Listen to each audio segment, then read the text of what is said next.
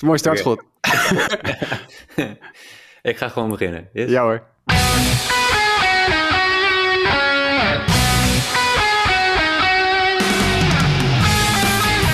Het is de eerste dag van oktober, de playoff maand van Major League Baseball. En vandaag hebben we een bomvolle podcast met postseason ticket punches, legendarische homeruns en veranderingen voor volgend seizoen. Dit is de 169ste aflevering van de Just a Bit Outside podcast, de MLB-podcast van Sport Amerika. En mijn naam is Mike van Dijk. Ik zit hier niet alleen, namelijk met Jasper Roos. 169, nice. Yes, en Sander Grasman. Blij om weer terug te zijn. Uh, ain't we all, ain't we all. Het is even geleden geweest, ook voor jullie luisteraars, dat jullie een uh, nieuwe aflevering hebben kunnen vinden in, in de feed. ja, Jasper, waar heeft het aan gelegen? Laat ik zo, mag ik het aan jou vragen? ja, je, ja, je mag het altijd aan mij vragen. Ik weet niet of ik er antwoord op heb. Maar ja, nee, dingen gebeuren wel eens. Ja, er komen wel eens dingen tussen. Oeh, daar gaat mijn stekkertje gelijk ook weer. Dus Hoppakee. Zo, dingen gebeuren wel eens. Ja, er komt wel eens wat tussen. We hebben allemaal drukke levens. Kinderen, ZZP'ers die altijd ergens anders moeten zijn. nieuwe banen waar heel veel aandacht naar, naartoe gaat, logischerwijs. Als je ergens net nieuw bent, dan moet je eventjes je focussen op bepaalde dingen. Dus alles bij elkaar, ja, weet je, dat gebeurt wel eens. Soms heb je ook gewoon geen zin. Denk je van, nou, ik heb helemaal geen zin. En soms heb je ook wel eens gewoon een tijdje lang dat je denkt van, nou, ik heb nu allemaal echt gewoon baggerhonkbal gezien. Ik heb helemaal geen zin om erover te praten. Dus ja, allemaal, allemaal, allemaal dat soort factoren, zeg maar. Scheduling is sowieso niet makkelijk geweest om in ieder geval mensen ook bij elkaar te vinden om dan een aflevering op te nemen. Maar er Daarom horen we ook nog steeds nu op de achtergrond uh, we horen uh, Loïc Grasman uh, even buurten. En bij, mij staat, bij mij staat de afwasmachine aan en er lopen ook allemaal mensen door het huis. Dus ach ja. We maken er een gezellige aflevering van, toch? Sowieso, sowieso. Reuring. En ja, de laatste weken gebeuren er wel hele speciale momenten op de, op de Baseball Diamond. En daarom is er ook genoeg om te bespreken. Laten we eigenlijk maar gelijk beginnen daarmee. Met dat Aaron Judge op dit moment op 61 home runs staat in één seizoen. Daarmee heeft hij het record van Roger Maris geëvenaard. ik zie hier iemand zitten die met een Red Sox pet op zit. En toch ga ik hem even vragen. Sander, heb jij de home runs van Aaron Judge nummer 60, 61 gezien? En volg jij ja, eigenlijk wel het bijzondere seizoen wat Aaron Judge op dit moment beleeft volgens nog? Ja, ik, ik heb niks dan een, een zwak voor Aaron Judge. Ik vind geweldige speler. We hebben bij de Londen-series van dichtbij kunnen zien. Uh, volgens mij is het een uh, super vriendelijke gast. En ja, ik heb nog nooit zo'n indrukwekkend mens gezien. Die, wat ik altijd blijf herinneren is dat het een figuur is die normale proporties heeft, maar dan gewoon anderhalf keer zo groot als, ja. als wij. En het is echt niet, niet normaal hoe indrukwekkend postuur die kerel heeft.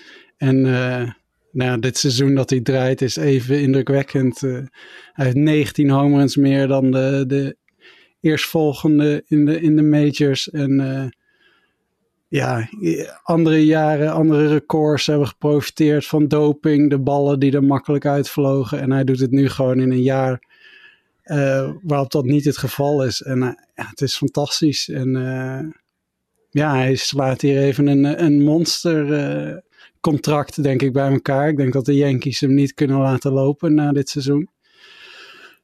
En dan is het de vraag hoe fit blijft hij gedurende dat contract. Ik denk dat ze veel geld gaan kwijt zijn aan hem. En nou, ik hoop dat hij fit blijft. Maar dat is natuurlijk zijn Achilleshiel geweest. En het is mooi om te zien dat hij, als hij een seizoen echt fit is, dat hij tot hiertoe in staat is. Ja, het feit dat hij op zichzelf gewet heeft, hè, door te zeggen, door die contractverlenging die hem aangeboden werd uh, een paar maanden geleden, gewoon af te slaan en te zeggen, nee, ik uh, denk dat ik uh, meer kan verdienen. Ik denk dat ik met een goed seizoen meer op tafel kan krijgen. Nou, dat, dat gaat hem wel lukken, ja. Beschrijf een goed seizoen. Want ja, want met, met een beetje mazzel gaat hij er ook gewoon met de MVP vandoor. Dus dat, is, dat is misschien nog wel de meest beladen discussie van de laatste tijd. Niet zozeer van gaat hij het halen of niet. Want hij stond met zoveel wedstrijden te gaan op een gegeven moment op 59. Nou ja, dan gaat hij het wel halen. Um, tenzij hij natuurlijk morgen zijn been breekt. Maar onder normale omstandigheden weet je dan, oké, dat, dat, uh, die, die evenaring op zijn minst komt er wel. En uh, dan komt de discussie natuurlijk over de MVP Award uh, op tafel. Want ja, hoe kan je nou om Aaron Judge heen... Oh, wacht, Shohei Otani. Weet je wel, dat soort situaties en discussies krijg je dan. Dus dat is dan nog wel de, de, meest interessante verhaallijn die uit deze situatie komt, denk ik. Ja, mocht hij de Triple Crown winnen, dan hebben ja. we in het redelijk recente verleden gezien dat dat nog wel eens een uh, MVP-discussie wil beslissen, niet per se bij de rechtmatige eigenaar terechtkomen. Maar uh, ja, nee, in dit geval denk ik dat je er niet erg omheen kan dat Judge gewoon de MVP moet krijgen. Dat is, uh, dat is lullig voor Otani, want Otani is natuurlijk... Dat, dat vergeten we wel eens. Moet Otani eigenlijk alles wat hij doet, moet je keer twee rekenen. Want ik bedoel, het feit dat hij het aan allebei de kanten van de bal doet, is natuurlijk heel waanzinnig. Dus ik denk dat je gevoeglijk kan stellen dat Otani de beste honkballer ter wereld is. Maar dat Aaron Judge dit seizoen de MVP is. Nou ja, goed, daar kunnen er zijn nog wat wedstrijden te gaan. Dus laten we kijken hoe dat uh, in ieder geval uh, gaat lopen. En later deze maand denk ik dat we nog wel een aflevering gaan opnemen met de awards zoals wij ze zouden, zouden uitdelen. Maar dat wordt in ieder geval een, een boeiende discussie. Terugkerend nog even bij Aaron Judge en het, en het record. Roger Maris Jr. zegt van, ik, ik vind eigenlijk dat dit het record moet zijn. En dat de, de prestaties van Bond, Sosa en, en Maguire eigenlijk niet zouden mogen tellen. hoe kijken jullie daarnaar, Jasper, jij? is krampachtig natuurlijk bezig om zijn familienaam in het nieuws te houden, deze jongen. Ja, dat, ik, ik heb, er niet zoveel mee.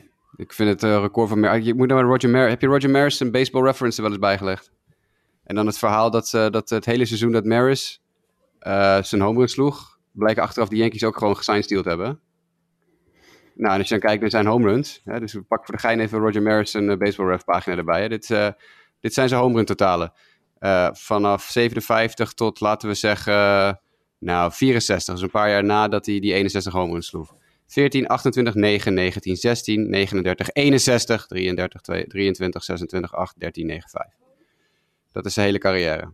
Dus hij, hij verdubbelt in één seizoen ineens in zijn home totalen. En dan krijg je de discussie uh, die van de week ook weer door uh, Gray Albright op Twitter werd gegooid is. Er zijn gewoon boeken geschreven over dat de Yankees door middel van fluitsignalen aan slagmensen lieten weten wat voor pitch er kwam in dat jaar, in dat seizoen. En dat Roger Maris een van de figuren was die er het meest van geprofiteerd heeft.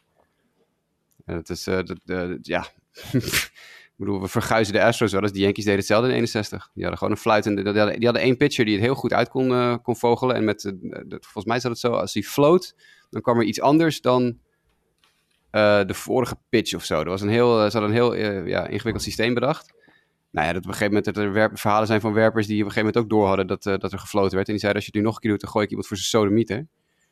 En nou, dat nou, de situatie gebeurde. De werper gooit inderdaad iemand voor zijn sodemieter. En Yogi Berra in de on-deck circle roept heel hard, hey, ik, hoorde, ik hoor niemand fluiten hoor. Want ja, die dacht, ik krijg er ook eentje in mijn oor zo meteen. Dus uh, ja, weet je, je kan dan als Roger Maris Jr. natuurlijk knapachtig proberen je familienaam uh, hoog te blijven houden. En, en, de relevantie hoog proberen te houden. Van nou, dit, dit, is het enige echte record. Zodat je in ieder geval elke keer als het weer verbroken wordt, weer uh, interessant kan lopen doen. Maar ja, Roger Maris heeft ook vals gespeeld in het jaar dat hij de 61 sloeg. Dus ik bedoel... En het ironische is ook nog dat eigenlijk dat hele jaar was de discussie... is het record van Maris legitiem aangezien ze... Ik denk dat ze toen voor het eerst meer wedstrijden speelden. Of in ieder geval speelden ze meer wedstrijden dan Babe Ruth. En hij heeft het uh, record pas verbeterd. Zeg maar in extra wedstrijden na Babe Ruth's 154. Uh, dus eigenlijk ja, ik vind het een beetje raar dat je die discussie opent als eigenlijk altijd je vaders record ook. Nou, dat is tegenwoordig is dat natuurlijk verwaterd, maar destijds stond hij er wel met een asterisk, asteriskje in dat het uh, ja, wel was omdat ze meer wedstrijden speelden. Ja, de film heet notabene 61 sterretje, 61 asterisk, die ja. erover gemaakt is. Dus ik bedoel... En die, daar heeft hij het hele jaar volgens mij tegenop moeten boksen. En dat je dan nu andere records in discrediet gaat brengen, omdat, uh, ja, ik weet niet. Het, uh, die, die aantallen zijn geslagen en je kan de geschiedenis niet herschrijven. Ik heb hem even opgezocht, de passage uit het boek. Het is uit het boek Sign Stealing. waar een passage staat dat, even kijken hoor. Turley, dat is dan die figuur die het floot bij de Yankees. Die zou fluiten als er een pitch was die anders was dan de vorige. Uh, slagmensen zouden in het slagwerk gaan staan, altijd met het idee, er komt een curveball aan. En als er een fastball aankwam, dan uh, floot die Turley dus. Uh, en dan blijft hij vervolgens helemaal stil totdat er weer iets anders gecalled werd. Dus het is zelfs zo dat deze Turley, toen hij geblesseerd was en eigenlijk op de disabled list moest, is hij bij het team gehouden, zodat hij wel kon blijven fluiten. en Roger Maris, even kijken, sloeg zijn 61ste home run in het seizoen op een pitch die hij wist dat eraan zat te komen. Omdat uh, de derde honkcoach op dat moment floot naar Maris om hem te vertellen dat er een fastball aankwam. Dus die 61ste home run is geslagen op een pitch die, waarvan Maris wist dat hij eraan kwam. En op een gegeven moment was het Jim Bunning van de Tigers die dat doorhad. En met Mickey Mantle aan slag, toen heeft Bunning zich naar de first base coaches box ge- ge- gericht en gezegd: als er nog één keer gefloten wordt, dan eh, gaat er eentje in het oor bij eh, Mickey Mantle. nou, en inderdaad, eh, de, coach, coach floot. Bunning gooit een fastball in het oor bij Mickey Mantle. En Yogi Berra riep toen vanaf de on-deck circle eh, naar de Jim. Hij fluit wel, maar ik luister niet. Dus, ik bedoel, prima dat Roger Maris Jr. zo hypocriet loopt te doen van ja, dit is het enige echte record. Maar zijn vader heeft notabene het record verbroken op een pitch die gesignsteeld was. Dus misschien moet hij even gewoon zijn smoel houden. De voorloper van de, van de vuilnisbak van de Astros, om zo te Precies, zeggen. Maar het is, de- de- nogmaals, hè, tot nu toe eh, met hoe we het zien eh, van Judge, eh, super prestatie die we, die we eigenlijk voor ons ogen zien plaatsvinden. Ehm, we hebben nog zes wedstrijden te gaan, denk ik, voor de Yankees. Eh, nog twee wedstrijden, van, in ieder geval vanavond en morgen nog. En daarna volgt er nog een serie uit bij de Texas Rangers. Ik denk toch wel dat hij die 62 wel gaat aantikken. Gaat er ook nog een 63 komen en misschien een 64? Wat, wat, wat, wat denken jullie? Wat, wat, wat, wat wordt het eindgetal waar hij op gaat eindigen dit seizoen? Sander? Ja, hij heeft een, week moeten wachten eh, om van 60 naar 61 te gaan. Eh, ik hoop eigenlijk wel dat hij 62 haalt, maar ik zie dat hij on pace voor 63 is. Ja, het is moeilijk. Straks slaat hij er drie in één wedstrijd. Het, het is eh, koffiedik kijken, maar ik, ik hoop dat hij het record verbetert. Eh, dat, dat lijkt me mooi. En eh, nou, dat, eigenlijk alleen dat, dat hij er nog in ieder geval maar één slaat. Hij krijgt twee keer de Orioles thuis en vier keer de Rangers uit. Voor wat het waard is. Dus niet de allerbeste pitching staffs aller tijden, zullen we maar zeggen. Nee. Nou ja, de Teams Orioles klaar hebben best- Ja, precies, dat wel. De Orioles zijn nu ook klaar. Maar op zich, eh, eh, de Orioles doen het beter dan we hadden gedacht. Dus wat dat betreft. Maar inderdaad, Ja, thuis. ik zag eh, Jordan Lyles ook weer een heel goede start eh, afgelopen nacht. Voor niks, werkelijk waar helemaal nergens voor, behalve voor Jordan Lyles' eh, baseball reference pagina. Maar het was wel een goede start. Ja, wel volgens mooi- mij wisten ze het toen al. Ze hadden nog een kansje vannacht. Weet ik niet. Tot Weet ik Seattle. ook het, niet eh, nee. Ja, tot Seattle het afmaakt inderdaad, ja. Ja, Daarom is Justin er trouwens niet bij. Die is, eh, ja die is dronken nog. die Ja. is hartstikke aangeschoten. Die konden we niet voor de camera en eh, de microfoon krijgen om, eh, om zijn feestvreugde te delen. Eh, en in ieder geval, de Judge bezig. Hij zag er afgelopen week wel wat gestrest uit aan de plaat. Tenminste, het oogde echt niet zo soepel meer als, eh, als daarvoor. Je kon wel zien dat hij te dealen had met, met de druk. En eh, ik zag zelfs... Maar dat vind ik altijd zo'n rare, dat vind ik zo'n rare narratief altijd. Je kunt, je kunt, eh, van, oh, hij heeft een week geen home runs geslagen. Je kan wel zien dat hij aan de druk bezwijkt. Hij heeft geloof ik op zes of zeven verschillende punten in het jaar een keer een week geen home runs geslagen. Nee, dat klopt. Maar de, het, is, de- het is niet anders dan normaal, toch? Nee, maar als je de eh, vorige weekend ook de wedstrijd tegen de Red Sox zag, de, de sfeer die in het stadion was, was echt wel anders dan normaal. En je zag ook dat hij aan, aan, aan slag oogde die niet ontspannen. Zeg maar. De swings en dergelijke waren best wel geforceerd. Tenminste, wat Mm. ik ervan eh, van heb Ja. Eh, en ik zag een Sammy Sosa bunny hop eigenlijk bij die 61 Ik weet niet of jullie mee hebben gespeeld, Ja, maar hij was, dat, ja. hij was wel echt serieus eh, blij erbij. Eh, ja, de bal belandt in de bullpen. Iedereen hoopt zeg maar, nou, ik hoop dat ik die bal vang. En Ja, en die gast die je miste. Heb je dat verhaal gezien? Nee, hoe heet die, die knakker ook alweer? Frankie Lasagna. Nou, er is no way dat die gast Frankie Lasagna heet. Die jongen die in het publiek de bal van de, de, de Judge Homerun niet vangt. Dat is toch fantastisch? De gozer heet Frankie Lasagna. Goeie naam. Ja, Ja, het is toch echt fantastisch? Maar goed, hij miste de bal en hij heeft hem niet gevangen. Dus hij is uiteindelijk een beetje eh, ja, de Sjaak. Maar... Ik denk dat het een aardig gevecht wordt de komende avonden eh, eh, als, de, als de bal in Yankee Stadium eruit gaat. Dat, ik zag bij die 60ste was geloof ik al een grote pit van 15, 16 volwassen mensen die boven elkaar... Nou, die- is, het, is het die gast die de 700ste van Pujols ving? Of de gast die de 61ste of de 60ste van Judge ving? Die hem niet terug gaat geven? Het is Pujols. Ja, en Die die, jongen, heeft, die, die jongen heeft die bal gevangen en zegt, nee, is mij. ja, die, volgens mij die zestigste, waren dat die studenten uit New York die eh daar eigenlijk Ja, niet eens veel voor terug wilden? Ja. Ja, die 700ste van Pujols, die gozer, die zei van, nee, ik, ik hou hem gewoon zelf. En Pujols zei, je mag hem houden. Het is voor mij, eh, het stelt niet zoveel voor. Als jij het leuk vindt om te houden, mag je hem houden. Laten we doorgaan naar die mijlpaal. Want inderdaad, Albert Pujols die vorige week op 23 september zijn eh, 699ste en 700ste home run eh, heeft geslagen. Afgelopen nacht sloeg hij in Bush Stadium zijn 701ste. Ehm ja, ik, ik moet zeggen, ik persoonlijk ben wel enigszins verrast over de opleving die Albert Pujols heeft beleefd in de laatste twee, drie maanden. maar het is wel mooi dat hij. Ik, ik, we hebben het denk ik de afgelopen twee, drie jaar een paar keer gehad over gaat hij wel of niet deze, deze mijlpaal halen, die 700ste home runs. Het is wel mooi dat hij dat heeft weten te bereiken.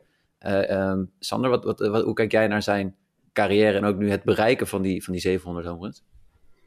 Ik vind het altijd zo jammer dat dan dat het einde van een honkbalcarrière, omdat het zo lang duurt, dat die laatste jaren eigenlijk altijd.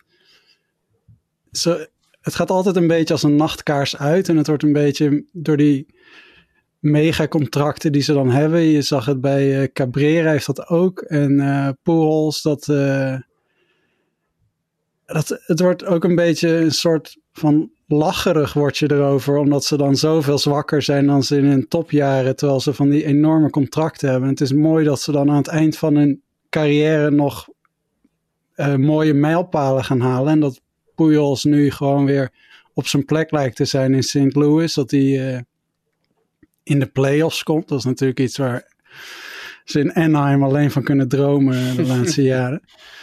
Uh, ja, ik vind het mooi dat er, dat er nog een mooi hoofdstuk na die, die ja, bijna alleen maar zwarte bladzijden in, uh, bij de Angels. Dat, dat het op een positieve manier eindigt. En uh, ja, misschien plakt hij er nog wel een jaartje aan vast. Om in ieder geval het aantal van Roof nog te ja, proberen om dat te benaderen. Um, maar nee, ik vind, ik vind het mooi dat hij, dat hij zijn 700 heeft geslagen. Ja, door, door al die jaren in, bij de Angels vergeet je hoe ongelooflijk goed hij was die eerste tien jaar. Volgens mij elk seizoen boven de 300 geslagen. Elk seizoen meer dan uh, eh, 30 doubles, 30 home runs. Meer dan 100 RBI's. Gewoon 10 seizoenen lang. Gewoon consistent, gewoon fantastisch. Niet voor niets uh, de machine. Ja, volgens mij hebben we een paar afleveringen geleden over gehad hoe, hoe goed zijn eerste tien jaar, jaar was. Hoe waanzinnig slecht zijn laatste ja, tien jaar was. Het is echt heel extreem. En dat is, uh, ja, was jammer dat je dan. Ik bedoel, het is niet één minder jaar. Dat, dat, daar kan iedereen nog overheen kijken. Maar dat hij zo'n lap van zijn carrière.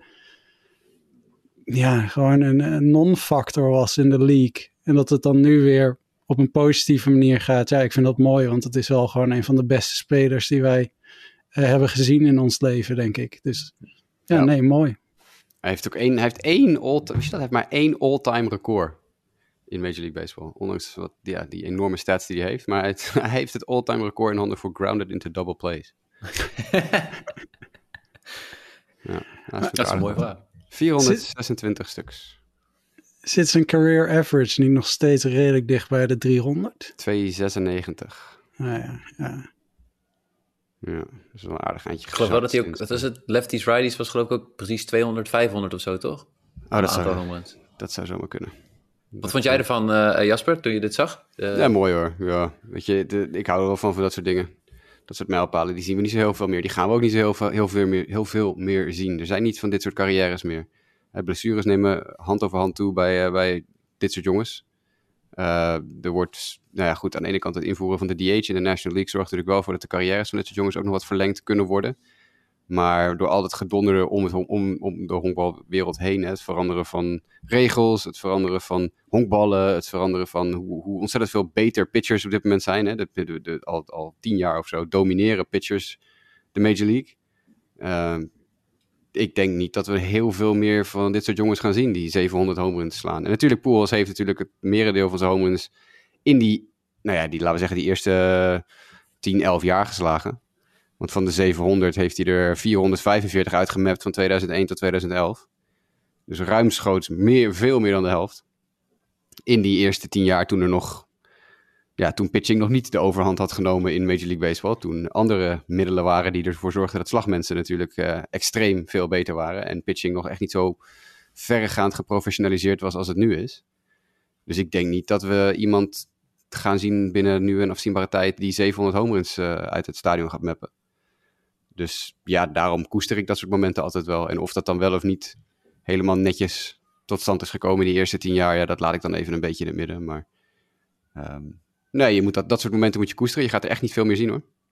Nee. Datzelfde geldt overigens voor, voor Judge en 61 homers natuurlijk. Het is ook voor de eerste in wat 21 jaar dat iemand 61 ja. homers aantikt. Dus ik bedoel, uh, uh, ja, het is, uh, het zijn unieke dingen. Ja, je moet er niet veel bij nadenken. Je moet ervan van genieten en van de sport genieten. En voor de rest is alles, is alles gezegend. Yes. Ja, het, het, is ook wel grappig dat het dan gebeurt inderdaad bij de Dodgers. De ploeg waar ja. Pujols heen ging vorig jaar toen hij eigenlijk weggestuurd werd bij, in Anaheim. Um, en ik moet wel en daar zei dat hij zijn, zijn liefde voor honkbal heeft teruggevonden bij de Dodgers vorig jaar. Het tweede stuk van het jaar dat hij bij de Dodgers speelde, zei hij, daar heb ik mijn liefde voor honkbal weer herontdekt. Ja. Ook weer een aanklacht van je welste naar de Angels organisatie natuurlijk, maar goed. Ik zag ook een beetje dubbele emotie bij Dave Roberts, waar je een filmpje voorbij komen toen die bal eruit mm. ging. In eerste instantie van ja, en daarna toch ook ja, balen. Maar goed. Uh, ja, het maakt voor Dave Roberts geen zak uit natuurlijk. Nee. die, die, hebben al honderd, uh, weet ik hoeveel wedstrijden gewonnen dit jaar. Die staan ja. al in de playoffs. Dus. Het blijft wel dat het, uh, het postuur van Poelhos is ook niet meer je van het. Hè? Dat, dat, dat, ik nog wel, dat viel nog wel op. Ik bedoel, het is knap dat de beste man uh, zoveel homos heeft geslagen en ook zo'n lange carrière beleeft. Maar dan denk ik aan de andere kant ook van, ja, dit is dan een legendarisch moment. En je ziet wel iemand dat je denkt, poh, man. Dit, is 42, mag die Ja, mag nee, die klopt. Ik, eh, ik, ben, ik ben geen 42, dus ik respect nee, dat hij dit nog presteert inderdaad en alles. Maar ergens dacht ik wel van, god, dat deze carrière nog voortduurt. Maar hij is de laatste twee, drie maanden, echt sinds die All-Star break, heeft hij gewoon twee keer dik boven de 300 ook uh, geslagen aan slaggemiddelde. Ze weten hem volgens mij redelijk goed uh, op, op lefties te laten, hoe heet het, op te stellen. En dat, dat doet hem in ieder geval goed. Gaat hij nog een rol van betekenis spelen in de, in de postseason? Ja hoor. Ja, denk en wat wel. wordt zijn eindgetal dan? Want die tellen ook weer mee. Hij zit nu op 701. Gaat hij nog naar 705? Nee. Nou, dat denk ik niet. Nee. Misschien nog 2, 3 erbij? Hooguit. Hooguit. Denken jullie dat hij nog een jaar eraan vastplakt? Nee, ik denk het niet. Ik, uh, ik denk dat dit het, uh, voor hem het enige is wat hij nodig had. Hij heeft er ook niet zoveel meer aan om nu nog... Stel je voor, het gaat volgend jaar weer iets minder. Dan heeft hij ook nog... Hij staat nu boven de 100 war, hè? Carrière. 101.1 war ah, is ja. hard. En als je natuurlijk daaronder duikt... Ja, niet dat het voor zijn Hall of Fame kansen uitmaakt... maar het is wel een grens die heel weinig spelers hebben doorbroken, hè? 100 war op je carrière.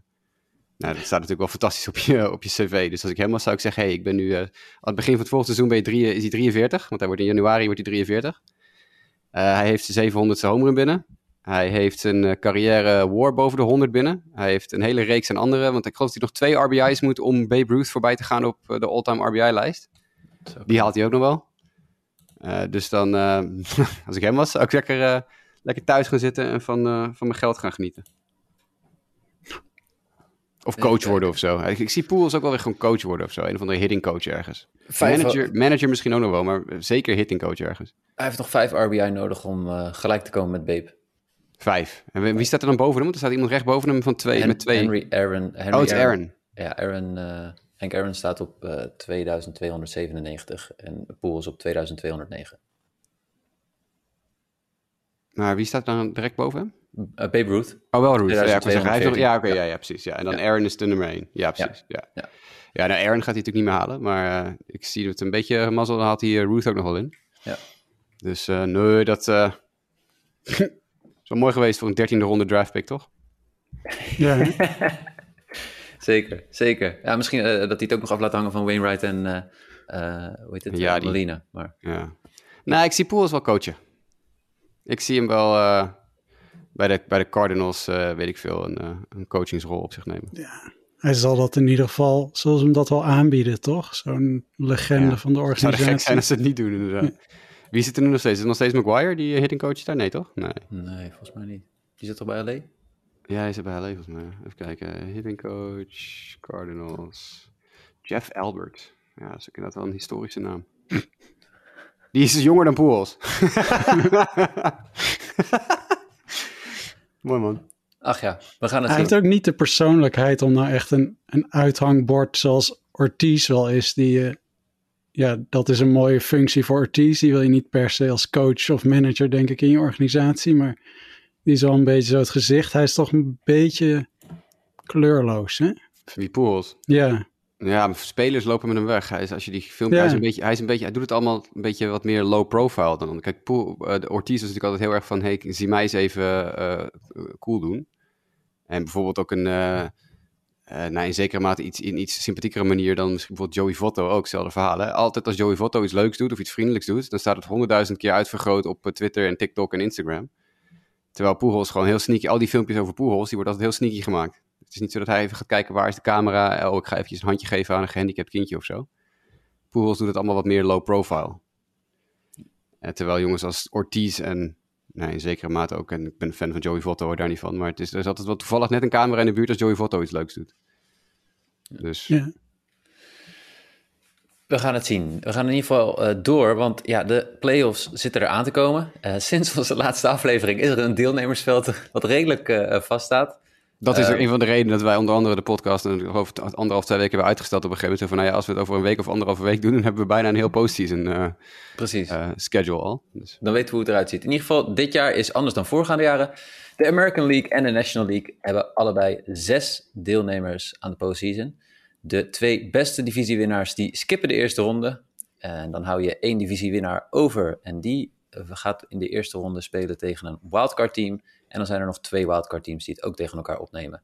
Op dit moment betekent dat voor de American League dat de Houston Astros als winnaar van de AL West zich hebben geplaatst en de eerste ronde gaan overslaan. Want die hebben een dermate goed record eh, dat zij dat eh, al reeks hebben bereikt. Evenals de New York Yankees. Dus die zullen de eerste ronde vrij zijn. Ehm, vannacht hebben geclinched de Seattle Mariners en de Tampa Bay Rays. Dus die zijn er ook bij. En eerder hebben de Cleveland Guardians al hun plekje veiliggesteld. En de Toronto Blue Jays. Dus eigenlijk is het deelnemersveld al bekend in de American League. Alleen is het nog niet echt bekend wie eh, tegen wie gaat spelen. Want daar kan nog wel het nodige in wijzigen. en volgens mij hebben wij dit ook voorspeld aan het begin van het jaar, dat er uit één divisie drie teams zouden komen. Volgens mij hadden we ook allemaal ook de East. Maar de had- nieuwe- had- de race de hadden we niet allemaal volgens mij. Nee, maar volgens mij hebben we wel gezegd dat de Central waarschijnlijk maar één team zou afvaardigen. En toen hebben we volgens mij allemaal ingezet op eh, drie teams uit of de East of de West. Ja. Nou ja, dat is dus wel ook gebeurd. Ja. We vallen, ik zal persoonlijk bij mezelf houden, maar ik ben wel weer in de Angels volgens mij getrapt. Als, eh, Oh, ik ongetwijfeld ook. Ja. dus daar ben ik de mist in gegaan. Maar ja, de East steekt er wel bovenuit. Hè? Dat, eh, ik zag dat zelfs Boston eh, zit 14 wedstrijden boven 500 buiten de eigen divisie.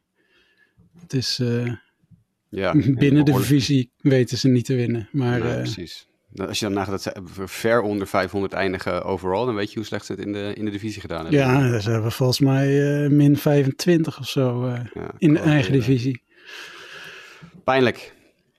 Ja, En, een Bal- en een Baltimore dat het helaas net niet gaat halen. Maar echt wel, nou ja, zoals het er nu uitziet, gewoon boven 500 gaat eindigen. Dat is toch ook Eh, ja, volgens mij kunnen ze niet meer onder 500 eindigen. Als ze alles verliezen, staan ze nog steeds op 500, toch? Even Vijf, kijken. ja, nee, eh, 82. 82. Eén nog net. 82. En nog, ja. Ja. nog één. Ze moeten nog eentje winnen en dan hebben ze een 500 eh, record geclinched voor dit, dit seizoen. Die gaan er vanavond voor tegen de Yankees. Nou, Eh, Tampa Bay, eh, knap, ja, ja, ik denk het wel. toch? Toch, Ja. toch weer met minimale middelen het maximale eruit gehaald. En Tyler Glasnow verloren voor het seizoen. En eh, gedurende het seizoen ook best wel wat tegenslagen gehad. Maar Is- intussen heel eh, low-key en low-profile eh, toch weer genoeg gewonnen. Toch weer erbij. Vierde keer op rij dat ze eh, erbij zijn in de, in de playoffs. Al dan niet dankzij een nieuw playoff format. Maar goed, Maar uit. Tyler, Glasnow is ook weer terug. Heeft afgelopen week weer een eerste optreden gemaakt. Drie innings. geen runs tegen volgens mij. Drie strikeouts. Dat is in ieder geval een welkome versterking voor de komende weken. En ze zijn wel Shane Bass kwijtgeraakt. Eh, die is geblesseerd geraakt. En die ondergaat Tommy John surgery. Dus die zien we dit seizoen niet meer terug. Maar ook volgend seizoen eh, vermoed ik dat we hem niet meer, eh, niet meer gaan zien. Nee. Maar ik denk dat je beter Klaas nou erbij kan hebben dat je Baas kwijtraakt. ja. Dat, eh, per saldo word je er beter van. zo. Yes. Eh, Toronto, Toronto is erbij. Eh, hadden we meer verwacht van Toronto dit seizoen? Nou, ik denk niet wij alleen. Het feit dat ze de manager eruit gesodemieterd hebben na een paar maanden, het geeft aan dat zij ook meer verwacht hadden. Ja. Maar het is mooi voor ze dat ze de playoffs gehaald hebben.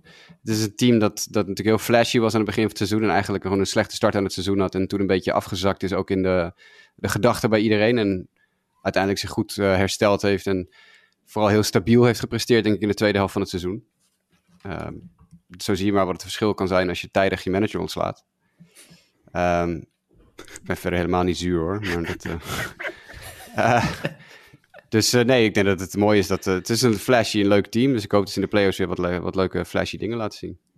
Ja, ze hebben met Gaussman en Manoa ook wel echt de, de middelen, denk ik, om, ja, om toch te verrassen. Ik denk, Yankees en Astros steken er wat bovenuit.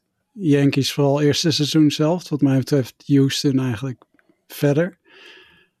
Maar Toronto heeft eh, ja, een mooie selectie om nog te verrassen, denk ik. Maar het zou ook wel voor het seizoen dacht ik, zij gaan voor de, voor de kroon van de Yankees en de Astros. En in het reguliere seizoen zijn ze daar toch al echt ver van afgebleven. Ja. Ja. Houston hadden we eigenlijk ja, zo sterk niet verwacht. Hè? Wel goede pitching ook uh, dit seizoen, dat zie je ook wel terug. Uh, Justin Verlander, die op zijn leeftijd nog steeds ongeveer de beste uh, werper is in de American League. Dat vind ik toch ook nog wel echt ontzettend knap. Goed dat je zo ongeveer zegt, want daarmee hou je een slag om de arm. Ja, maar dat is ook zo. Ik bedoel, er zijn echt wel andere pitchers die wel in de buurt komen. Maar ik zag inderdaad een aantal... Kat... Precies, precies. Daarom. Hij behoort tot de betere. Laten we het dan... Ja, ja, nee, heel goed, heel goed. Uh, maar het blijft ongekend knap als je ziet wat, wat zijn leeftijd is, hoe hij nog steeds presteert. Dat, uh, Daar valt of staat natuurlijk wel het seizoen van de Astros mee. Hè? Dus dat, dat, dat wij een slag om de arm hielden van tevoren, is uh, denk ik volledig plausibel. Dat als, ja, dat Verlander, die is volgens mij 2,73 nu. Dat hij ja. dat die zo sterk terugkomt ja, dat, dat maakt het verschil of, of Houston een topkandidaat is of dat ze nou, nog steeds wel de playoffs halen, denk ik. Maar, uh... Ja, maar daarbij, aan het begin van het seizoen, het ook, je hebt de situatie dat uh, de Astros een van hun steunpilaren kwijtraken in de vorm van Carlos Correa. Ze krijgen Justin Verlander terug, maar je weet nooit wat je met zo'n oude, van een blessure afkomende figuur kan verwachten. ze hebben een rookie op korte stop waarvan je nog maar moet afvragen, oké, wat gaat die überhaupt brengen, die Jeremy Pena? Nou, uiteindelijk, ja, die gast laat 20 homeruns. Verder is de hele statistieklijn niet zo heel denderend hoor. Ik bedoel, uh, is echt niet zo dat je denkt van wow, dit is de, second coming of Jesus Christ. Een 2,85 OBP dit jaar. Maar heeft zeker in het begin van het seizoen heel aardig gedaan.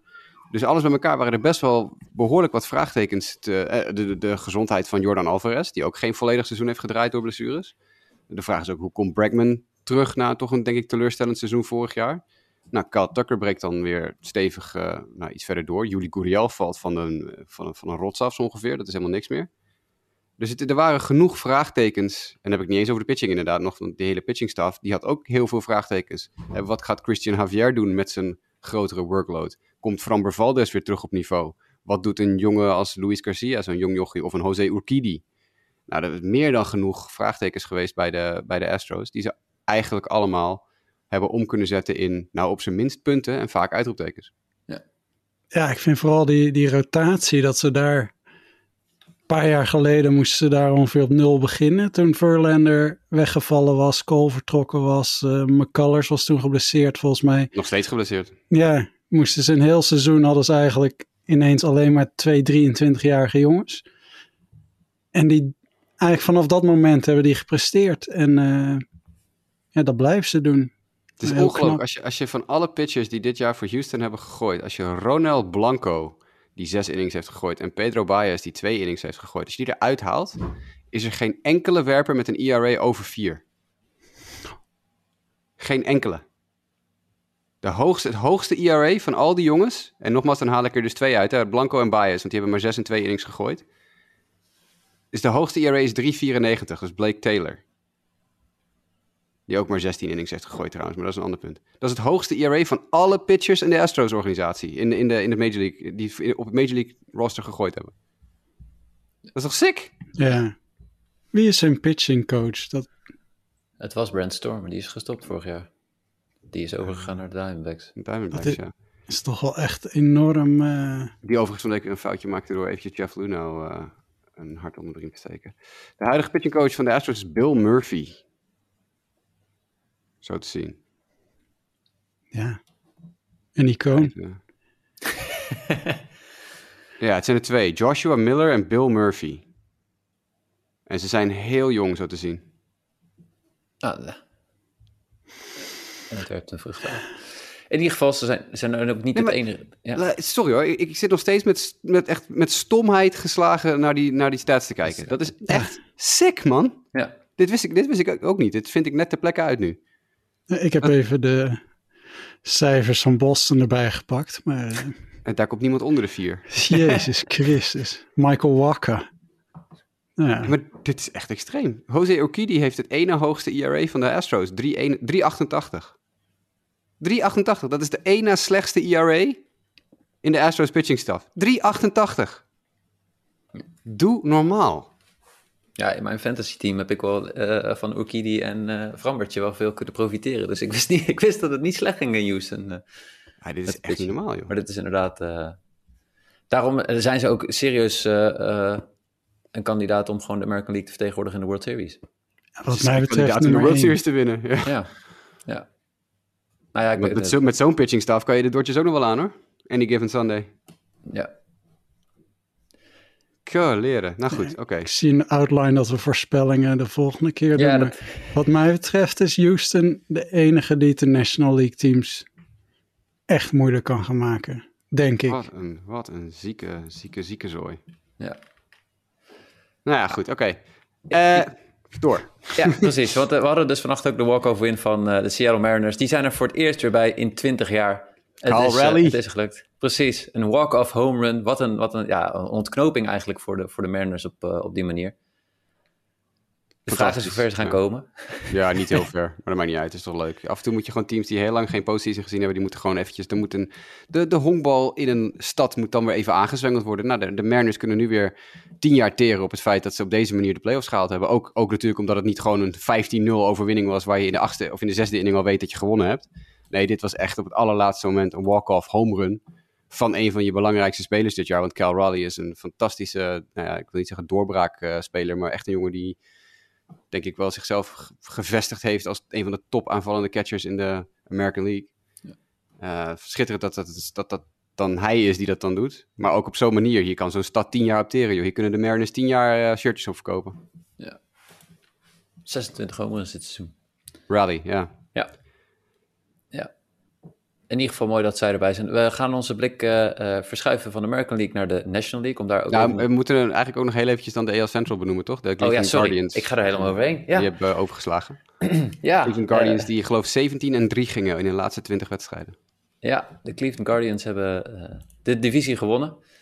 opvallend genoeg, als je daar kijkt naar het waar dan de, wet, waar de divisie gewonnen is, om maar zo te zeggen. Waar, waar is het Bij het feit dat de Cleveland Guardians 17 en 3 gingen in de laatste 20 wedstrijden. Onder andere, onder andere. Maar als je dat dan ook bekijkt uh, per divisie, uh, zie je eigenlijk dat de White Sox en de Guardians eigenlijk vrijwel identiek scoren tegen de East en de West. Alleen dat de Guardians veel beter hebben gepresteerd in de wedstrijden tegen hun uh, divisiegenoten. In de eigen divisie, ja. ja. ja. de Guardians hebben 44-27 en de White Sox 35-38. Nee, de twee weken geleden, toen, die, toen stonden ze praktisch gelijk. Ik geloof dat de White Sox twee wedstrijden achter de Guardians stonden. En toen kwam er een reeks van anderhalf, twee weken waarin het verschil gemaakt zou moeten worden. Waar ze onder andere ook nog vier keer tegen elkaar speelden. Ja, en in die reeks ging Cleveland 17 en 3. Ja, daar kan je niet tegenaan honkballen. Los van het feit dat er uh, natuurlijk meer dan genoeg fout is gegaan bij de White Sox, waar we gedurende het seizoen al meerdere keren over gesproken hebben. En daar komen we volgens mij ook later in deze uitzending nog even op één element terug in een ander blokje. Uh, maar tegen een team dat, dat 17 en 3 gaat over zijn laatste 20, dat is, daar, kan je, daar, daar is niet tegen aan te honkballen. Dat, vergeet het maar. Kan Cleveland gaan verrassen in de playoffs? Nee. Goed, nee. Nee, okay. nee. nee dit is een uh, first round and out voor Cleveland. Cleveland is het eerste team dat eruit vliegt. Ja? Yeah? Nou ja, na, na de, in de gewone reguliere rondes. Hè, want de, doordat ze de divisie gewonnen hebben, hoeven ze geen wildcard ronde te spelen, geloof ik. Of ja, tegen, wel. Nee, wel. Tegen wie ja. spelen ze dan? Tegen de... Zij, zijn, uh, zij gaan als derde, volgens mij. Dus dan ja. spelen zij tegen de nummer 6. Dat kan nog. Dan kunnen ze allemaal nog zijn. Allemaal nog zijn, ja. Toronto, Tampa Bay en Seattle zijn allemaal praktisch gelijk. Dus da, nee, dan, nou, dan denk ik inderdaad dat ze als eerste eruit vliegen. Ja. Ja, maar ze spelen wel thuis dan. Maakt niet alle, uit. Alle Cleveland vliegt er als eerste uit. In, in het kader van, uh, want we hebben dus geen tiebreakers meer en dergelijke. Hè? Dus als teams gelijk eindigen, hoe wordt dan de seeding bepaald? Ik heb me er enigszins in verdiept. Onderlinge duels. Onderlinge resultaten, ja. Onderlinge duels. En ook volgens mij, als dat dan gelijk is, dan hebben we eerst het divisie in je eigen divisie, of je, je record in je eigen divisie. En vervolgens uh, uh, je record tegen de andere divisies. Dat volgens mij zag ik de, de records onderling. En volgens mij is er geen sprake van dat daar nog nee, eentje gelijk kan eindigen. Maar ik kan het mis hebben, maar... Nee, maar ik bedoel, ik denk als Cleveland komt tegen Toronto, dan krijgen ze Gaussman of Manoa tegenover zich. Als ze tegen Tampa Bay gaan, krijgen ze Glasnow tegenover zich. En als ze tegen Seattle gaan, krijgen ze Luis Castillo tegenover zich. En dat gaan ze niet redden. Ook niet met Bieber, want die is ook niet zo uh, lights out als hij vroeger was. Maar... Dus uh, nee, het, ik denk dat Cleveland er als eerste uitvliegt. Alright. Ik blijf er namelijk bij dat ik het geen goed team vind. Het is geen compleet team. Dus... Nee, ja, en anders zouden ze in ieder geval het rondje verder tegen de Yankees komen. En we weten hoe dat afloopt. Ja, nou ja. dat sowieso. Ja. Ja. Dat zijn de Twins, hè, die altijd verliezen van de Yankees. Guardians toch ook? Nee, 2020. Die al 20 jaar niet gewonnen hebben in de playoffs vanwege het feit dat ze altijd tegen de Yankees komen. Oh ja, sorry. Ja, klopt. Ja. Maar inderdaad, Central. eh, nee, Cleveland heeft geen kans. Maar leuk voor ze dat ze gewonnen hebben. Het is eh, natuurlijk een, eh, ja, ik denk een van de slechtste seizoenen ooit die de White Sox gedraaid hebben dit jaar. In, niet alleen van de clubgeschiedenis, maar in honkbal. Dus eh, prima. Als het door Minnesota niet is, vind ik het allemaal best. Francona flikt het toch. Als we wel nog eventjes qua eh, eh, nieuwtjes nog even kijken wat er dan in deze divisie wel gebeurt. Dus, is eh, Minnesota raakt op een gegeven moment ook Byron Buxton kwijt. Weer. Weer. Die raakte geblesseerd. Het blijft jammer dat deze talentvolle jongen iedere keer geblesseerd raakt. Hij had een knieoperatie nodig en ja, was het de rest van het seizoen klaar. Dus eh, die gaan we volgend jaar pas weer zien. En voor Jammer Chicago White Sox hebben we Tim Anderson, die al enige tijd ontbreekt. Ja, die was al een tijdje, lag hij eruit natuurlijk. En dan zou hij terugkomen. Het ging het toch niet zo goed. Toen hebben ze maar voor de rest van het seizoen, eh, toen ze toch uitgeschakeld waren, hebben ze maar gedacht van, nou ja, eh, ga dan maar lekker naar huis. Ga maar je, je huwelijk zien te redden. Dus eh, Timmy, Timmy zien we volgend jaar wel eens weer terug. Yes.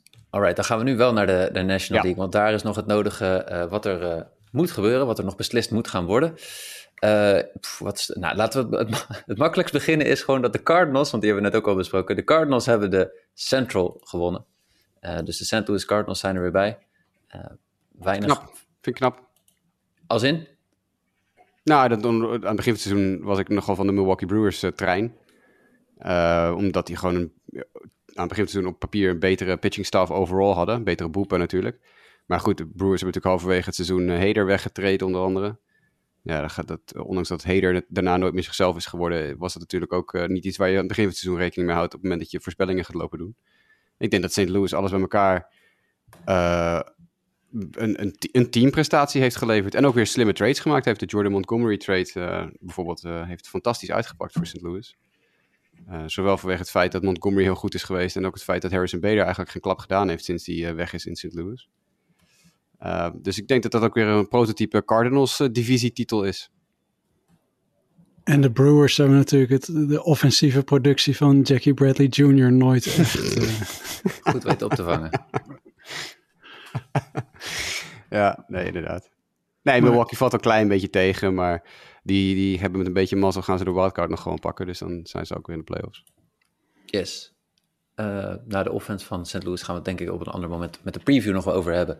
Uh, dan, ja... ja Cubs, Cincinnati, Pittsburgh hoeven we niet over te hebben, toch? Nee, volgens mij. Wel vet filmpje geen... trouwens van de Cubs. Zag je het filmpje dat gisteren op de ja. Cubs social media is geplaatst? Die drone?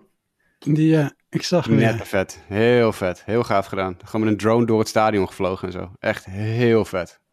Als mensen dat niet gezien hebben, ga even naar de Cubs Twitter of Instagram en, uh, en kijk eventjes naar uh, de drone die door Wrigley vliegt. Echt fantastisch gedaan. Cool. Okay. Maar ja, wat we nog misschien wel kunnen benoemen is hoe slecht Cincinnati en Pittsburgh zijn. Want met een beetje mazzel eindigen ze allebei met 100 nederlagen in één divisie.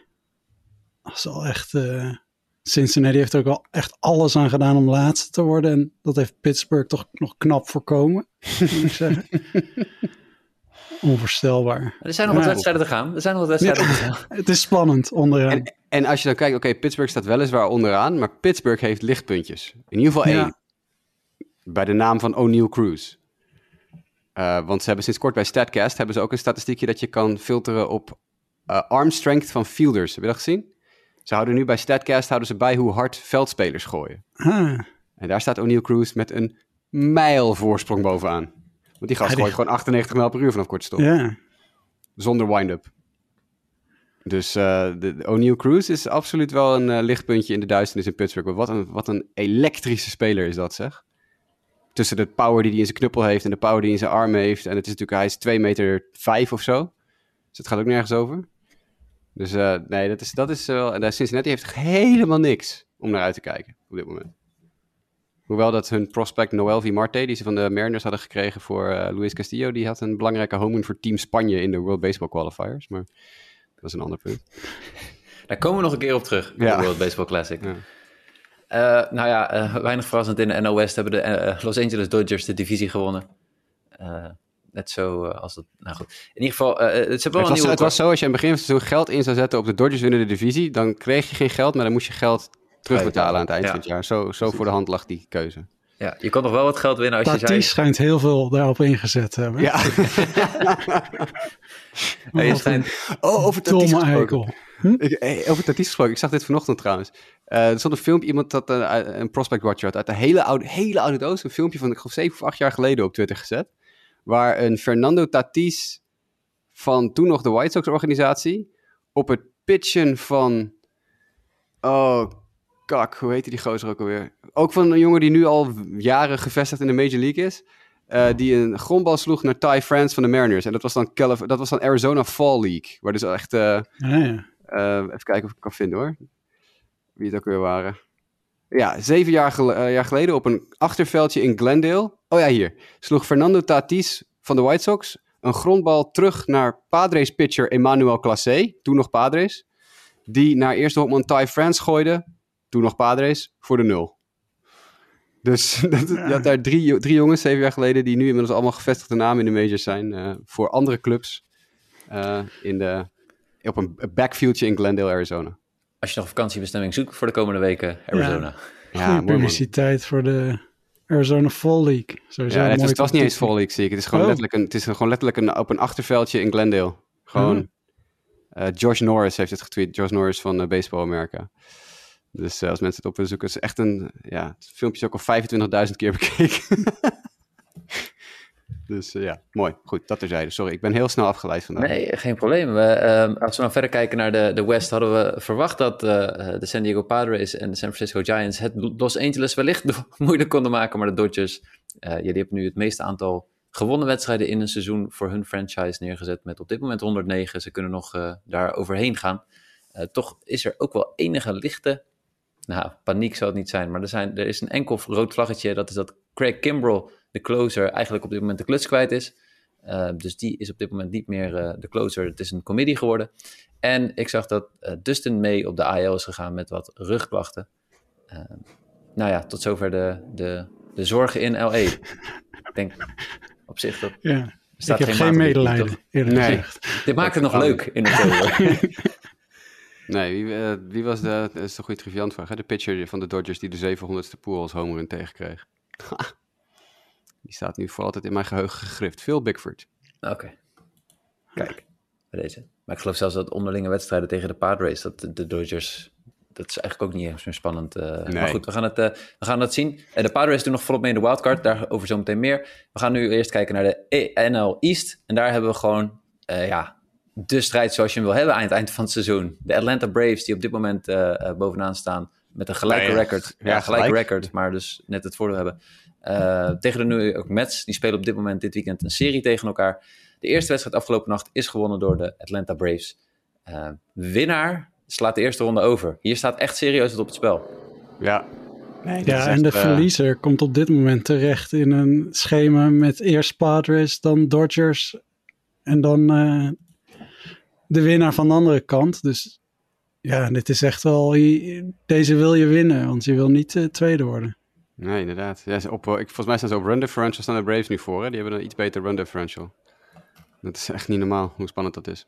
Ja, dat is, Mooi man. Hoewel de Mets natuurlijk wel ook een klein beetje in een slumpje hebben gezeten een tijdje na dat hele gedoe met die Timmy Trompet en zo. Maar eh, de focus was buiten het veld en dat pakte niet goed uit. Nee, nee, dat eh, kun je wel stellen, ja. Nee, maar nou en er is nog wel één, eh, ja, is het grote paniek ook niet. Maar Jacob de Grom gooide afgelopen nacht eh, bloedblaar en een scheurtje in een nagelriem. ja, heb ik ook wel eens. Is niet lekker. Nee, maar als pitcher in deze fase is het niet echt lekker. Nee, is Heeft hij, hoe heeft hij dat allebei gedaan? Dat is, eh, Ik geloof dat hij in de laatste start al licht last kreeg eh, ervan. Dus eh, eh, dat, dat helpt niet. Hij staat nu ingepenseld om... Want hierna is nog één serie. Hè? We, we zijn later begonnen aan dit seizoen, dus er is nog één serie. Normaal gesproken is dit het laatste weekend. Ehm, en dat betekent dat de Mets nog gaan spelen tegen de Washington Nationals thuis. En de Atlanta Braves spelen nog tegen de Miami Marlins. Nou, maar dat is dat ook wel eerlijk. Dat, is zeker waar. Dat is zeker waar. Hoewel ik En denk dat de Nationals nog wel iets slechter zijn. Maar... volgens mij, als de ze spelen nu nog twee wedstrijden tegen elkaar. Ja, Als vanavond Max. Scherzer tegen Kyle Wright. En morgen is het Chris Bassett tegen Charlie Morton. En volgens mij als de Mets winnen, één daarvan hebben ze een beter onderling uh, resultaat. Dus als ze aan het eind van de rit ook weer gelijk staan, dan is dat Ja. uh, de tiebreaker in het voordeel van New York. Dat is mooi voor ze. Yes, in ieder geval wel een mooie strijd. Dit is wel hoe we het uh, ja, toch wel graag willen hebben aan het slot, toch? Zag je het filmpje van Bo, van, uh, Bo Snitker? Uh, de manager van uh, Atlanta, die uh, blij was dat hij uh, een 20-game winner had voor het eerst in zijn leven. Kyle Wright. Nee? Die, die heeft, uh, staat hij op 19 of 20? Want ik zag dat Snitker daar iets over gezegd had. Hm. Live research. Ja, we gaan even live researchen. Het, het filmpje schiet me ineens weer. Ik zit, nogmaals, ik ben all over the place vandaag. Maar dat is, uh, is even niet anders. Kyle Wright staat op 20. 20, ja. Dus toen hij van de week zijn 20ste wedstrijd won, toen uh, was Bo Snitker helemaal emotioneel voor de camera. Dat hij zei van ja, uh, uh, dit is de eerste keer in mijn leven dat ik als manager een 20 game winner onder mijn hoede heb. Het is maar waar je op managed. Aardige Ja. kerel ook. Nee, Snitker, aardige kerel. Ja. Mooi, is mooi. En eh, de Braves zijn wel gewend dat ze dat vaak hebben. Althans, de Braves zoals ik ze ken, is toch de Glavin, Smoltz en Maddox en Ja. wie dit allemaal... eh. Is uh, Louis aan het uh, iets in elkaar aan het zetten, Sander? Nee, de buren zijn, uh, Ah. denken... Dus- we gaan even timmeren. Leuk, leuk, leuk. Wel, wel zijn er wat nie- nieuwtjes bij deze teams. Namelijk, eh, de New York Mets hebben Francisco Alvarez opgeroepen. Eh, Jasper, wat kan je ons vertellen over dit catching prospect? Het is de nummer 1 prospect in baseball. Dus ja, dat is het, alles wat je hoeft te weten, denk ik. Interessant dat, die, dat ze dat nu doen, in deze week. Ik heb, ik heb begrepen dat het vooral is omdat Darren Ruff niet al te geweldig is in de Ja, platoons. goh, wie heeft dat aanzien komen? Echt, jongens, wie zou dat hebben kunnen zien aankomen? Dat die hele trade voor Darren Ruff echt helemaal kut was. Zou iemand dat, zou iemand dat aan hebben kunnen zien komen, jongens? Nou ja, we, we hebben niet veel afleveringen opgenomen deze zomer, maar ik kan me Nou, volgens mij hebben we de 10 trade deadline besteed, dat record staat. Volgens mij hebben we tien minuten lang de Mets af zitten zagen over die trade voor Darren Ruff. En dan een paar van die Mets supporters in de Twitter mentions van... Ja, het is een heel goede trade, dit, dat is zo. Jongens, die Darren Ruff kan jongballen, man. Dat zou er niet toch net mogen. Maar goed, oké. Francisco Alvarez is dan weer het... Als, als dat het resultaat is van... Oké, de Mets traden voor Darren Ruff. Maar het resultaat daarvan is dat we Francisco Alvarez nog anderhalve week krijgen in de Major League. Dat vind ik hartstikke mooi. Ja, doordacht. ik las dat ze hem alleen maar waarschijnlijk gaan gebruiken als DH. Hè? Maakt me niks niet, uit als hij maar op het veld staat. Ja, maar het zou dus heel erg New York zijn als dat zeg maar net het ene momentje oplevert waarmee deze jongen iets laat en vervolgens een legende blijft in New York. Maar we gaan het zien, dat moet eerst maar Ja. gebeuren. Er is meer nieuws in eh, eh, Atlanta, namelijk eh, al enkele weken geleden heeft Ozzy Albies zijn eh, pinky gebroken. Eh, die zit in het gips en dat moet vanzelf gaan helen. Ik weet niet of die op tijd terug is voor de playoffs. Dat zou Hij volgens was net een week terug of zo van zijn andere blessure. Toen brak hij zijn pink. Ja, Ja. was- Was, was het überhaupt een week? Misschien was het wel minder. Dat was een van zijn eerste wedstrijden. Ja, precies. Ja. En afgelopen nacht heeft Charlie Morton zijn contract verlengd bij de Atlanta Braves. Eén jaar 20 miljoen met een optie voor nog een jaar 20 miljoen. Nou, is niet gek voor een 57-jarige. Nee, precies. Ja, ik zat... Maar ja, de, de, de andere kant, ja. Ik, ik vind 20 miljoen voor Charlie Morton best wel een hoop geld. Vind ik ook. Maar niet vanwege de, het gebrek aan productie of zo. Je betaalt ook voor de zekerheid, Precies. in dit geval. Dat is aan de andere kant van het verhaal. Ja, ik denk dat ze misschien ook wel geld overhouden in de rest van hun rotatie. eh, die nog allemaal jong en onder contract staan. eh. Ja. Allemaal minimum layers. ja. Even kijken, want dan gaan we wel eventjes door. Dan hebben we nog een, een hele leuke race die gaande is om de, eh, de wildcard spots. We hebben de Philadelphia Phillies 84-72, de Milwaukee Brewers 84-73 en de San Diego Padres 86-71. We hebben twee tickets, drie teams. Eh, zeg het maar. Philadelphia is de laatste week echt eh, potjes aan het verliezen tegen teams waarvan dat niet zou moeten. Nee, inderdaad. Die zaten echt helemaal met een gunstig schema. Eh, volgens mij hebben ze de Cubs net gehad, dacht ik. Eh, nu spelen ze tegen Washington. Ja, als het dan niet gaat lukken. Ja, maar de Milwaukee zit er nog bovenop, hè. Ik bedoel, San Francisco kan nog maar één wedstrijd verliezen en dan liggen ze eruit. Dus dan, in de theorie heeft San Francisco ook nog een kans voor de wildcard, maar Oh, ja. hun eh, wildcard elimination nummer is één. Nou zijn de Giants wel 9 en 1 over hun laatste 10. Dus op zich zijn die op tijd wit heet. En ze, en ze spelen tegen Arizona, die ook niet zo goed kunnen honkballen op dit moment. Ho, ho, ho. Dus ze kunnen nog een paar winst, eh, winstpartijtjes pakken daar. Maar eh, Milwaukee halve wedstrijd achter in de wildcard. San Francisco 5,5. San Francisco mag nog maar één keer verliezen. Dus die mogen gewoon niet meer verliezen eh, dit jaar. Nou, dat gaat natuurlijk niet gebeuren. Die gaan ergens wel een keer tegen een verliespartij aanlopen, zegt hij nu heel eh, vol vertrouwen. Dus ik denk inderdaad dat Milwaukee, Philadelphia en San Diego het wel uit gaan maken. Maar ehm, Ja, tricky hoor. Milwaukee heeft Miami nu. Philadelphia heeft Washington en daarna iets anders. Kijken. Maar het zegt toch wel genoeg over de ambities van de Padres dat we het in dit stadium van het seizoen hebben over maken ze hoe goed is hun kans op de laatste wildcards ver achter de Mets, Braves en Dodgers. Milwaukee gaat de wildcard pakken, jongens. Ja, dat, dat een, we- een week geleden riep ik dat van Philadelphia. Nee, maar Philadelphia krijgt nog drie keer de Astros. En Milwaukee krijgt nog drie keer de eh, Diamondbacks. Milwaukee Ja. heeft nog twee keer Marlins, drie keer Diamondbacks. Philadelphia heeft nog twee keer Nation- drie keer Nationals, drie keer Astros.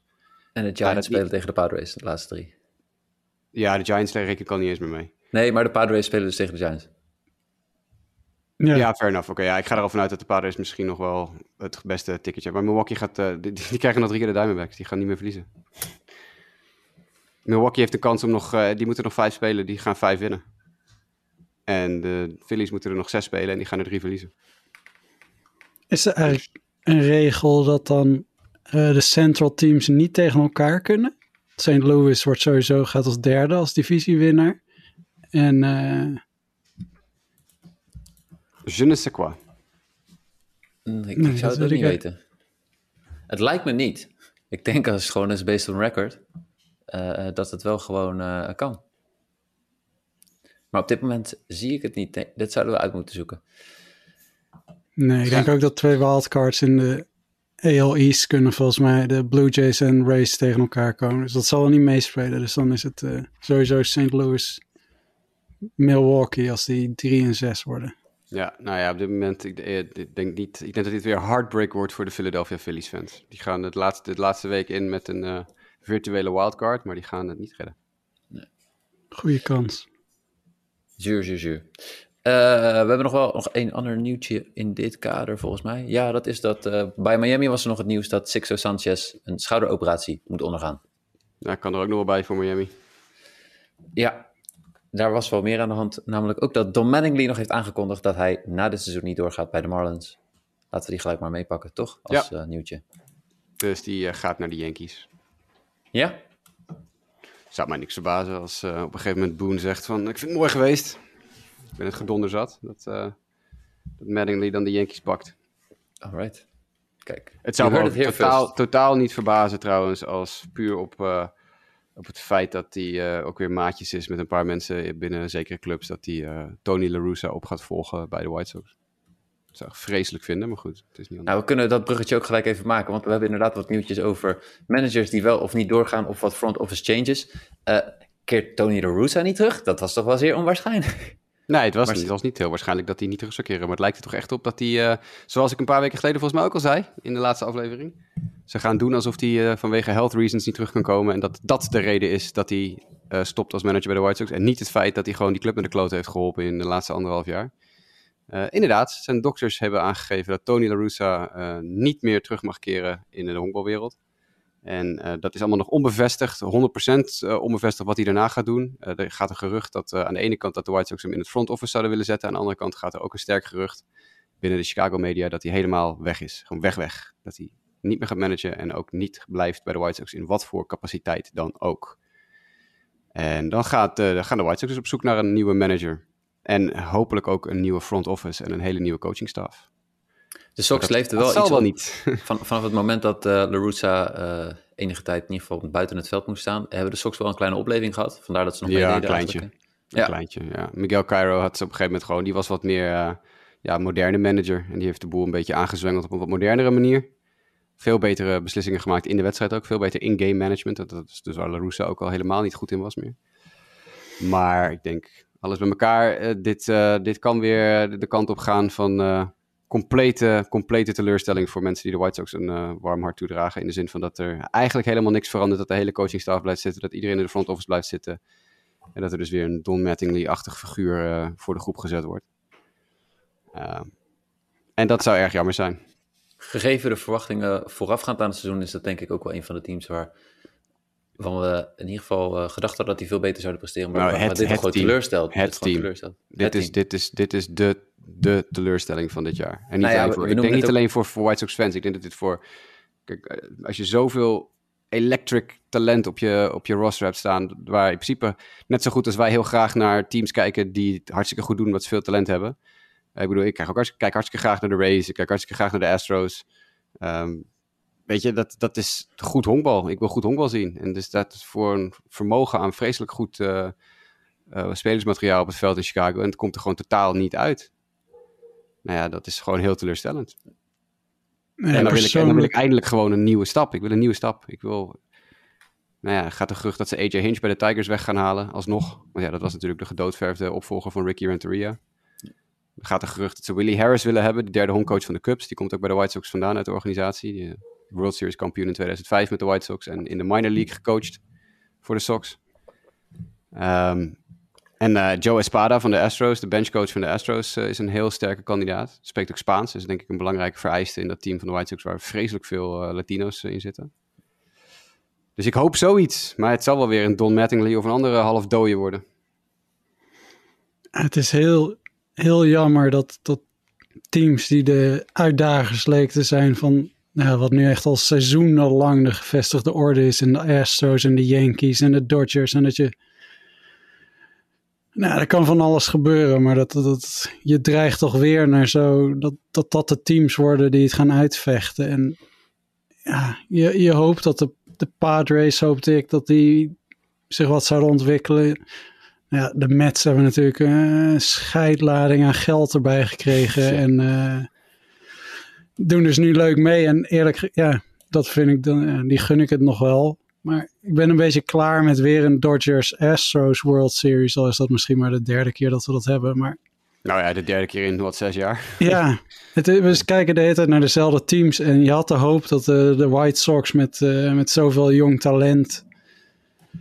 Dat, dat die er zouden staan. Een beetje wat je met de Blue Jays ook hebt en de Padres. Dat zijn al, denk ik, een beetje de drie teams die ik van tevoren dit seizoen... Uh, het nogal zal doen. En de Blue Jays zijn er nog, de Padres zijn er nog, maar het valt allemaal eigenlijk een beetje tegen. En dat vind ik wel jammer bij dit seizoen, dat het... Uh, ja, de, de, uitdagers die wij van tevoren hadden, wat, wat, wat, wat hoop op hadden gevestigd, hebben het allemaal niet, eigenlijk allemaal niet waargemaakt. Geen enkele van de, de upset, hè, de Angels waarvan we dachten, ook oh, gaan ze dan eindelijk, hè, ze hebben het nu allemaal voor elkaar. Of uh, gaan de Brewers weglopen met een divisie, of krijgen we inderdaad een... Uh, een, een shake-up in de, in de NL West. Waar de, de Padres dan misschien een keer eindelijk de Dodgers van een divisietitel af weten te houden of zo. Maar nee. Nee. Nou ja, ja de, de, enige verrassing zijn dan de Guardians.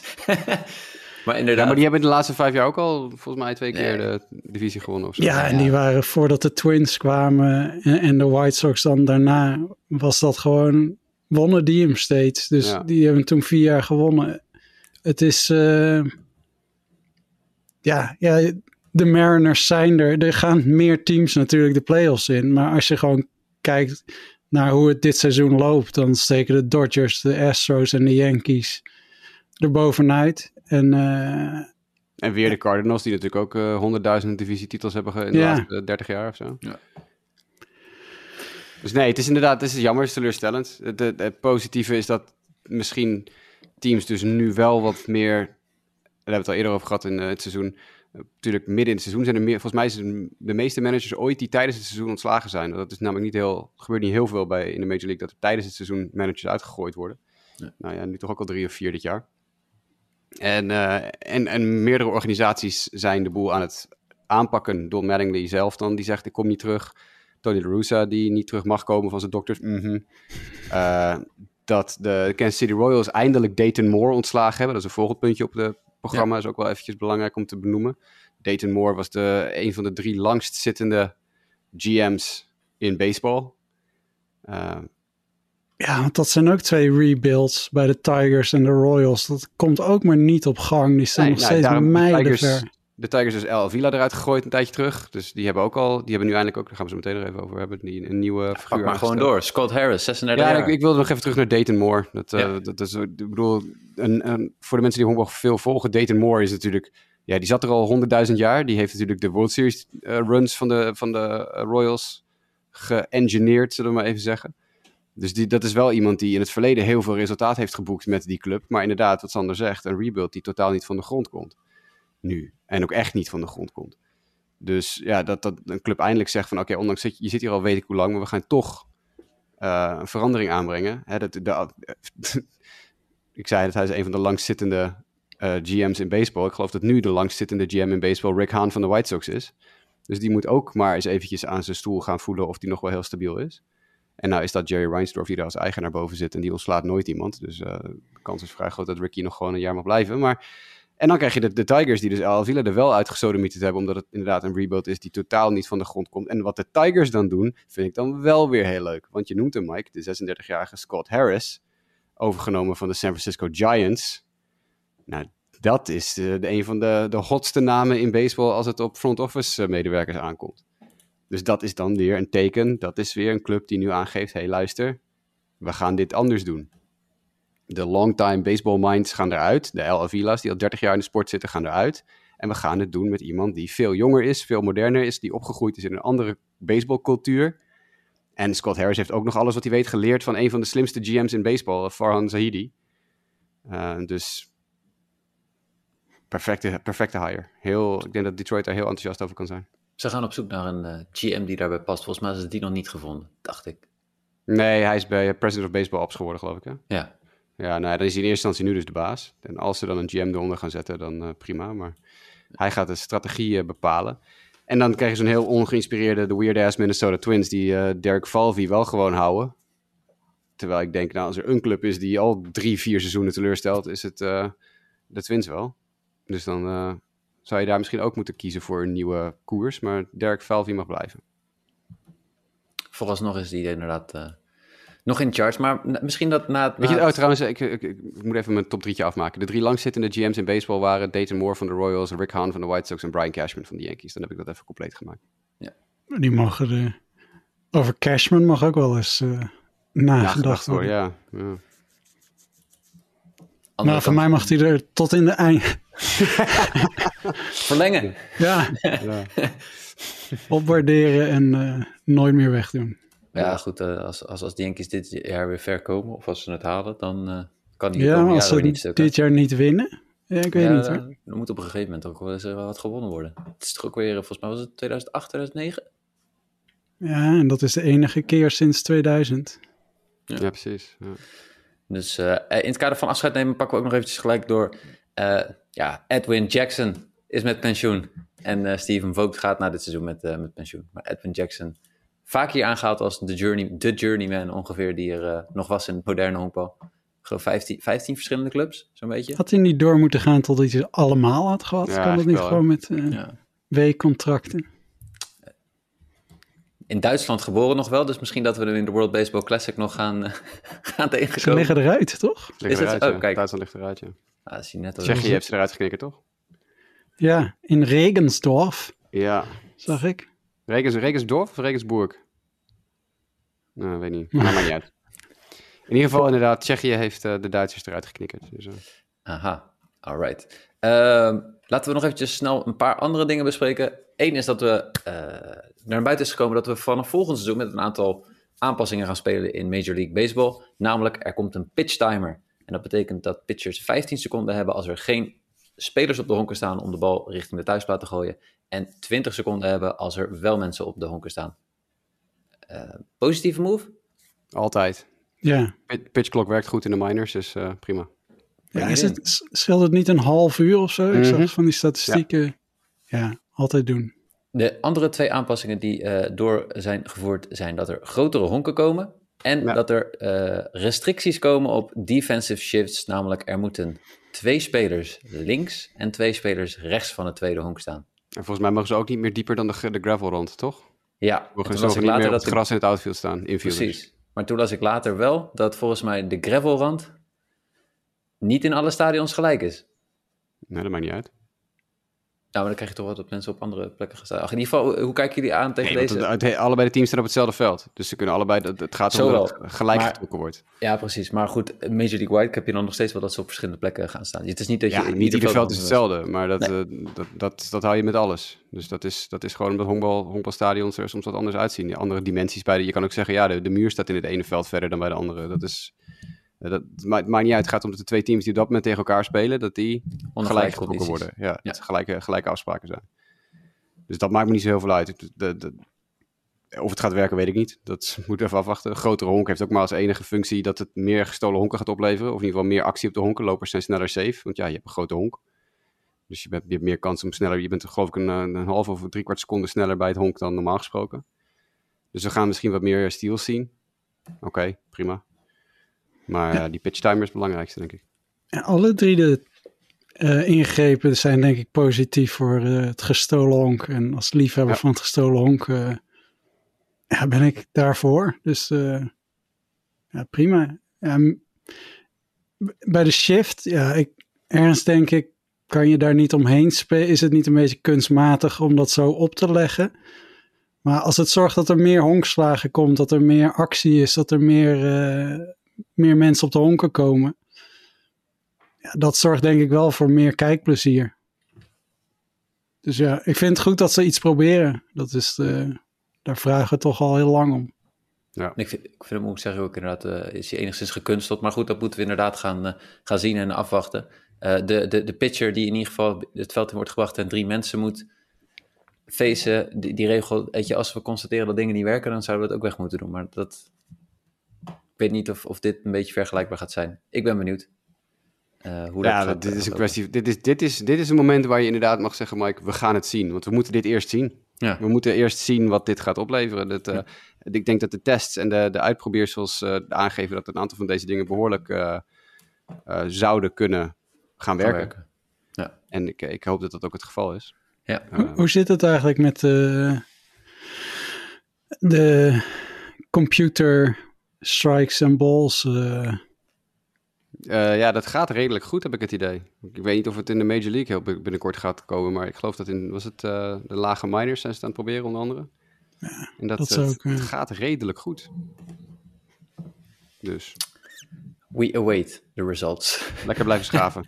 ja, in ieder geval uh, over minors gesproken. De spelers van de minor leagues hebben zich aangesloten bij de Players Association van Major League Baseball. Eerder deze zomer hebben zij zich verenigd uh, in, een, uh, in een bond. En die bond heeft zich aangesloten bij de Players Association. Dus de MLBPA kan nu ook onderhandelen namens de, of ja, tegen namens, namens de minor league players. Ik denk op zich wel een positieve ontwikkeling, gegeven de verschillende problemen die we eerder hebben aangehaald als het gaat om accommodatie, bijvoorbeeld. Ja, en, geen... uh, salarissen en zeker ja, gewoon de arbeidsomstandigheden moeten enorm omhoog. En yes. goed dat er eindelijk voor ze onderhandeld wordt. Yes. Uh, misschien moeten we nog heel kort, nou heel, gaan we niet heel lang bij stilstaan. Er was nog een record gehaald door Zach Gallen. In ieder geval, die had een scoreless streak gegooid van 44 in derde inning, waarin hij geen run tegenkreeg. Dat was een nieuw franchise record. Hij ging daarbij voorbij aan uh, Brandon Webb. Hij was nog niet echt in de buurt van het record, want volgens mij zat Oral Hershiser 59 innings op een gegeven moment. Dat is echt... Het zou kunnen. Dat is wel. Dat weet jij beter dan ik. Ja, ik had het in ieder geval zoiets voorbij zien komen. Uh, daar is hij niet bij in de buurt gekomen. Maar 44, 1 derde is ook niet verkeerd. Uh, contractverlengingen hebben we nog een paar gehad in de laatste weken. Dat is dat Luis Castillo heeft verlengd in Seattle. Vijf jaar, deal zeg voor Seattle. Vijf jaar 133 miljoen. Geen, geen slechte deal? Nee, goede deal. Hartstikke goede deal. De jongen staat knijten goed te gooien. Alles aan, alles aan de buitenkant en aan de peripherals zeggen ook dat dit vol te houden is voor hem. Dus uh, nee hoor, dit is uh, heel slim van. Ze hebben de wereld opgegeven om te krijgen natuurlijk aan de prospects en zo. Maar prima dat ze hem dan ook gelijk uh, bam vastleggen. Kijk, over vastleggen. Wilmer Flores heeft bijgetekend bij de San Francisco Giants. Tweejarig contract en 6,5 miljoen per seizoen. Daniel Hudson heeft verlengd bij de Los Angeles Dodgers. 1 jaar, 6,5 miljoen. En Tori Lavello is nog een jaar langer de manager bij de Arizona Diamondbacks. Het laatste nieuwtje wat we nog hebben staan op de outline is dat Buster Posey onderdeel is geworden van de San Francisco Giants Owners Group. Oké. Okay. Dan hebben we in ieder geval het meeste besproken. Of hebben jullie nog reacties op deze punten? Volgens mij valt dat allemaal mee. Dit zijn wat meer dingen in de kantlijn, toch? Ik heb uh, niet specifiek... Uh, nee, dit is uh, het belangrijkste. Alright. Alright, de playoffs staan voor de deur. ik denk dat wij, voordat de playoffs beginnen, ons best gaan doen om nog een aflevering op te nemen met wat voorspellingen. Maar dat is afhankelijk van of het gaat lukken qua planning. Ja, nee, we, doen ons best. Precies. Ehm, even kijken. Mochten jullie vragen hebben of uh, iets anders voor de volgende show, stuur het dan vooral op via Twitter dat kan naar @sportamerika, Jasper Roos, Grasman SD, Mdijk90 of de felicitaties naar Justin, naar JWKev, die met twee teams de Mets en de Mariners in ieder geval postseason honkbal heeft. Uh, voor dit moment uh, Sander en Jasper bedankt. En de luisteraar bedankt voor het luisteren. En tot de volgende keer.